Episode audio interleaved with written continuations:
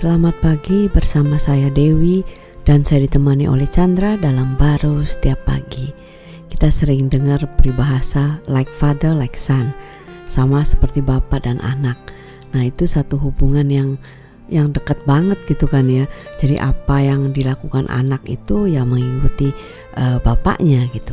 Tapi kalau kita di dalam Tuhan, Yesus itu uh, jauh melebihi daripada hanya uh, dari uh, tindakan atau pikiran ya, tetapi perkataannya Yesus pun akan menjadi perkataan kita gitu kan. Seperti Yohanes 12 ayat 49 dikatakan sebab aku berkata-kata bukan dariku dari diriku sendiri tetapi Bapa yang mengutus aku dialah yang memerintahkan aku untuk mengatakan apa yang harus aku katakan dan aku sampaikan wah luar biasa sekali kan sampai kata-kata yang Yesus katakan pun itu dari Bapa. Wah, apakah demikian dengan kita juga? Ya, itulah yang diinginkan ya orang eh, hubungan dengan bapak dengan anak gitu kan hmm. uh, bisa seia sekata. Uh, tapi nggak gampang itu sekarang. Biasanya sih uh, lagi senang-senang aja bisa seia sekatanya uh, seia ya. sekata ngikut-ngikut aja. Atau yang satu lebih berkuasa dari satu yang tidak berdaya begitu kan.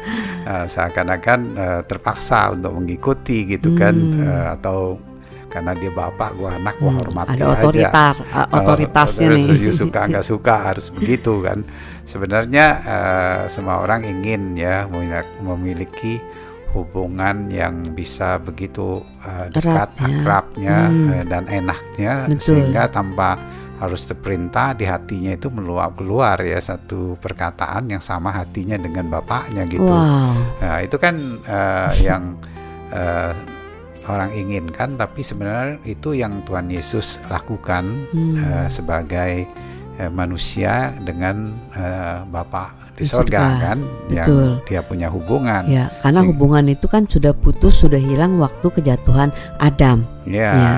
ada ingin pulihkan di mana manusia tidak sanggup ya hmm. uh, lakukan lagi uh, tapi itu yang Tuhan Yesus lakukan ya uh, kepada Eh, kita dengan menanggung segala yang kita tidak bisa lakukan itu dan hmm. akhiri di uh, kayu salib, kayu salib hmm. ya kan uh, sehingga kita pun bisa memiliki hubungan seperti dia punya hubungan dengan Bapa. Hmm. Waktu di salib itu dia berteriak kan sebenarnya Bapak-bapak mengapa kau tinggalkan aku dibilang hmm. gitu. Sebenarnya itu kesadaran manusia yang hilang ya, hmm. uh, yang ditanggung oleh uh, Tuhan di mana uh, manusia itu sudah nggak bisa berhubungan dengan dia dia berpikir Tuhan itu meninggalkan, meninggalkan dia nggak karena dia nggak bisa menikmati lagi padahal hmm. manusia yang meninggalkan Tuhan gitu kan. hmm. kan karena dia pikir dia bisa yes. uh, tapi dengan penebusan Kristus kita bisa memiliki sebenarnya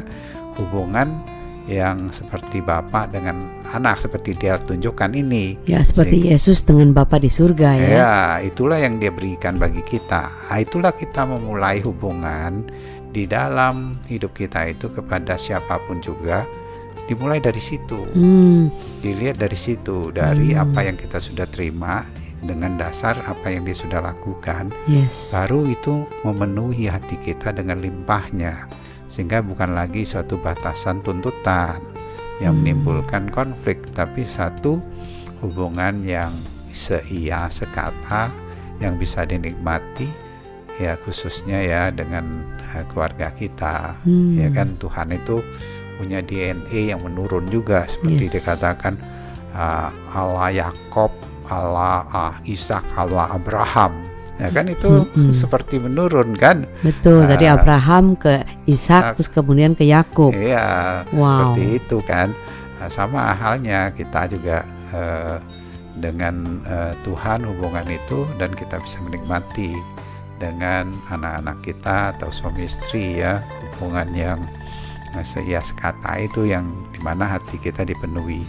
dengan uh, kehadiran dia. Wow, amin. Amin.